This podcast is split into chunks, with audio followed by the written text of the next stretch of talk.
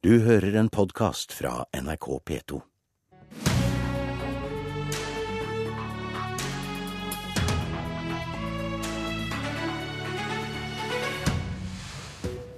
Vi nærmer oss et halvt år med væpna politi.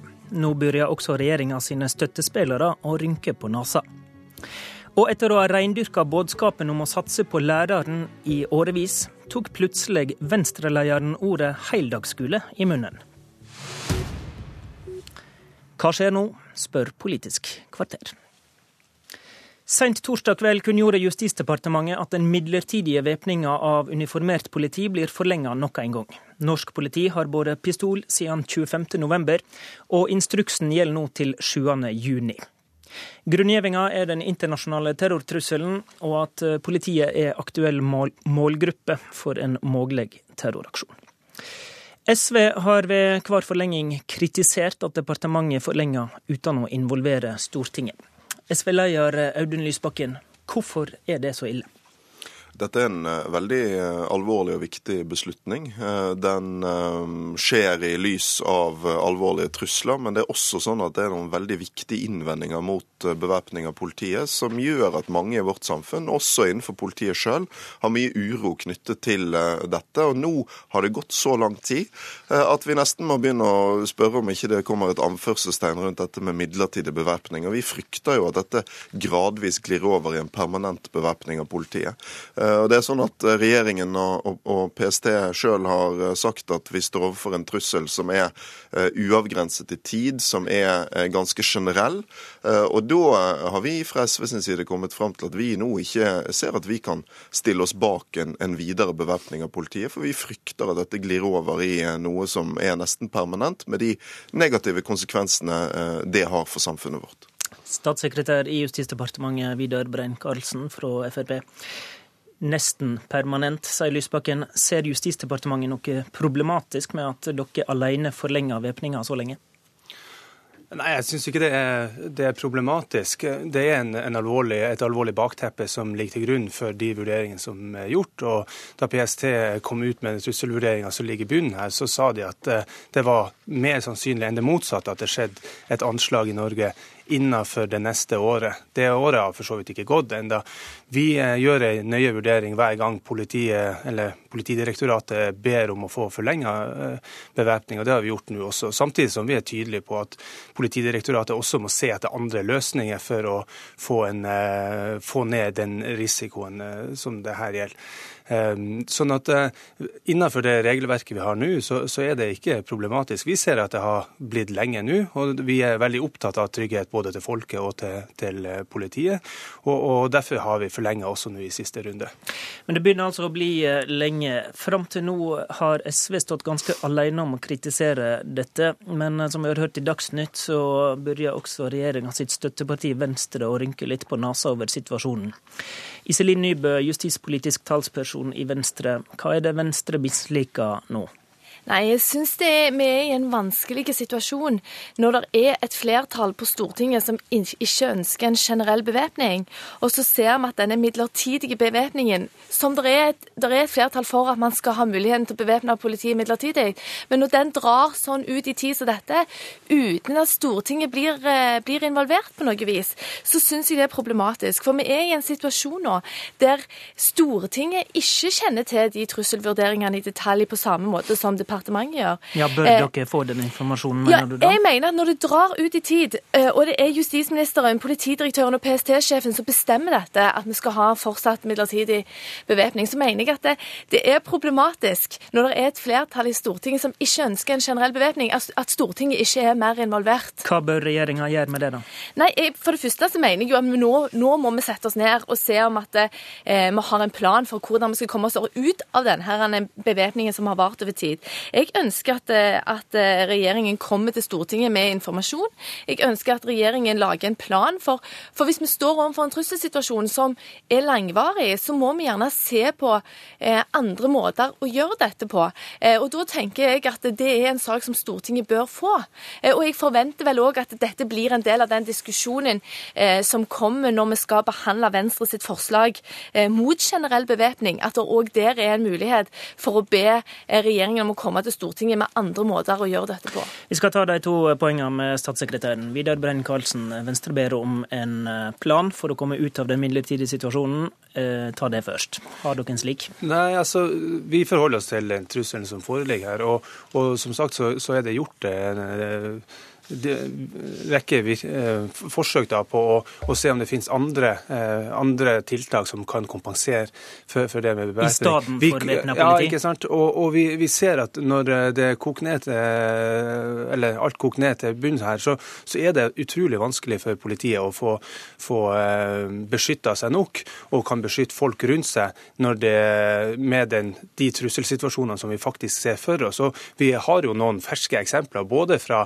fra Frankrike og fra, fra Danmark. Eh, for så vidt også fra Canada, som er enda litt mindre eh, ferskt, og som gjelder parlamentet der, og hvor det er skyting inne. Det, det er fryktelig vanskelig. Okay, dere, vil, dere vil holde på væpninga, med andre ord?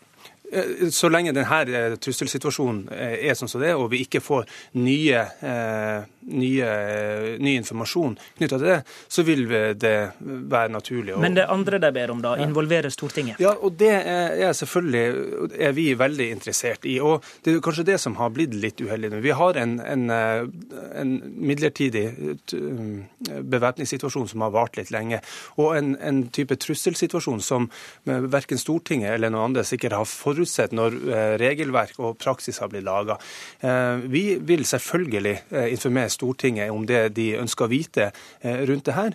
Og, og Samtidig så jobber vi jo også videre med, et, med endringer i, i politiinstruksen og våpeninstruksen for å og se om det, man burde ha en litt mer varige og formelle eh, mekanismer for hvordan Stortinget skal, skal, inn i bildet i denne typen eh, saker.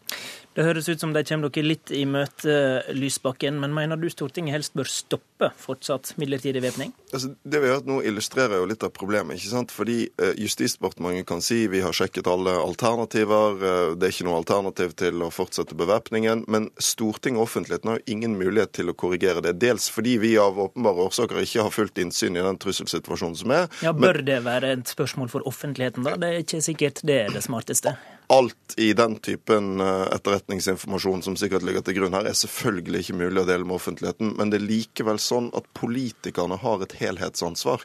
Og vi vet at det er veldig mange gode grunner til at flertallet på Stortinget og også sterke krefter i politiet mot en generell bevæpning. Bl.a. blant annet at en frykter en, en volds- og væpningsspiral i kriminelle miljøer. Og når den midlertidige bevæpningen varer så lenge som man gjør nå, eh, at du må stille spørsmål ved om man egentlig er midlertidig, så får du mange av de negative konsekvensene konsekvensene. Da må vi som politikere ta en helhetlig, debatt om dette er riktig. Eh, og, eh, og da eh, mener jo jeg at det er et stort problem at Justisdepartementet har forlenget og forlenget uten å komme til Stortinget for å ta den diskusjonen. Og Dette har jo SV bedt om i mange måneder. Jeg er veldig glad for det signalet statssekretæren gir nå. Men da er det jo litt rart at ikke Anders Anundsen meldte at han ville komme og redegjøre for Stortinget når bevæpningen nå ble forlenget enda en gang. Så da vil jeg sterkt oppfordre om at Justisdepartementet Justisdepartementet nå melder seg sjøl til Stortinget og kommer raskt. Men spørsmålet mitt var ja eller nei. Mener du Stortinget bør stoppe fortsatt midlertidig væpning? Ut fra det vi vet i dag, så vil ikke SV stille oss bak fortsatt bevæpning. Men her har jo regjeringen for det første en mulighet til å komme med overbevisende informasjon. Eh, I tillegg så vil jeg jo si at Justisdepartementet og regjeringen har en egeninteresse av dette. fordi for legitimiteten til dette vedtaket, mm. der to partier som er for generell bevæpning, innfører en midlertidig bevæpning som varer i månedsvis, og flertallet på Stortinget er mot generell bevæpning, så vil det være veldig klokt å forankre dette med Stortinget. Det han sa nå, Brein-Karlsen, det var snikinnføring? Ja, er, Det er slett ikke det det er snakk om. det er Bare for å presisere det. Men, men uh, det her er som sagt et virkemiddel som politiet har etterspurt i en alvorlig trusselsituasjon. Og da det eh, ønsket fra politiet har vi tatt på, på alvor i denne situasjonen. Vi prøver ikke å snikinnføre en fast uh, generell bevæpning.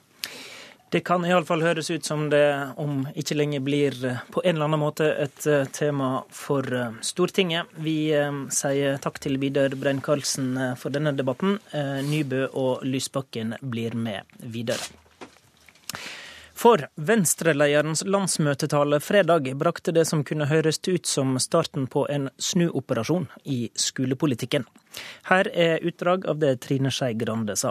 I hele mitt politiske liv har jeg vært veldig mot heldagsskolen. Så skal jeg innrømme til dere i dag at nå er jeg litt mer i tvil.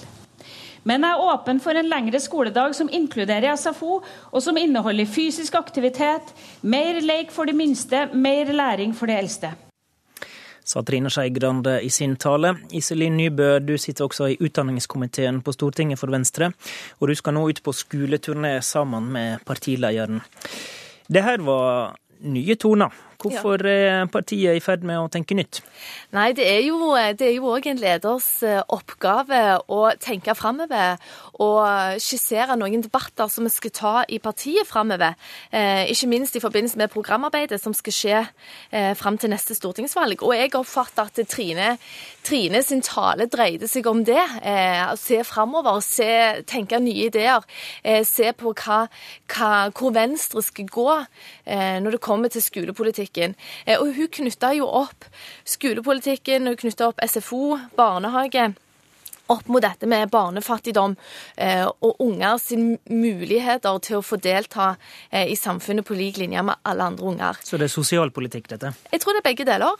Eh, jeg tror, eh, jeg tror, Trine ser for seg at nå skal vi ha en debatt, og så skal vi finne ut hva som skal være Venstre sin vei eh, framover. For det er klart at eh, i dag så er det mange unger dessverre som ikke får de samme mulighetene som andre unger. Eh, og, og, når Trine eh, trakk opp dette med gratis SFO, så brukte hun jo det som et eksempel.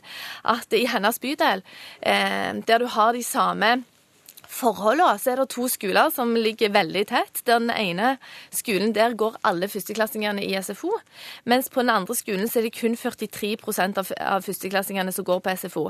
Eh, og Forskjellen på de to skolene det handler ikke om foreldrene sin bakgrunn eller inntekt og sånn. Det handler om at eh, på den ene skolen så er SFO-en gratis, og på den andre skolen så er den ikke det. Eh, og får vi, får vi SFO-en gratis, så har vi òg en mulighet til å gi ungene tilbud av fysisk aktivitet, om leksehjelp, hjelp, ja. om kulturskole, kanskje ekstraundervisning. Da har du noen muligheter eh, til å inkludere alle unger. It's the economy, sa hun på Clintons vis. Det var det hun sa. Audun Lysbakken, eh, SV står alene om å ville ha en heldagsskole. Eh, det gjør dere vel for så vidt fortsatt, men hvordan tolker du signaler fra Venstre? Jeg syns det er veldig gledelige signaler. og det her er en idé som jeg eh, absolutt ikke vil ha copyright på. Vi håper jo at flere partier vil eh, gå inn for heldagsskolen. Jeg er overbevist om eh, at det kommer til å bli den neste store velferds- og skolereformen i Norge. Rett og slett fordi det vil gi oss tre ting på en gang. Det vil gi oss bedre læring. Det vil gi oss en bedre folkehelsepolitikk, og det vil bety veldig mye for sosial utjevning. Fordi du da kan sørge for at alle barn får delta fullt ut i skolen, gratis, i motsetning til dagens SFO. og fordi du kan legge hjemmeleksene inn i skolen, og med det utligne den store urettferdigheten som i dag eh, er, fordi noen barn får hjelp hjemme med leksene, og andre får det ikke. Eh, så vi eh, har enormt tro på, på heldagsskolen. Jeg tror det vil skape en bedre hverdag for, for barn.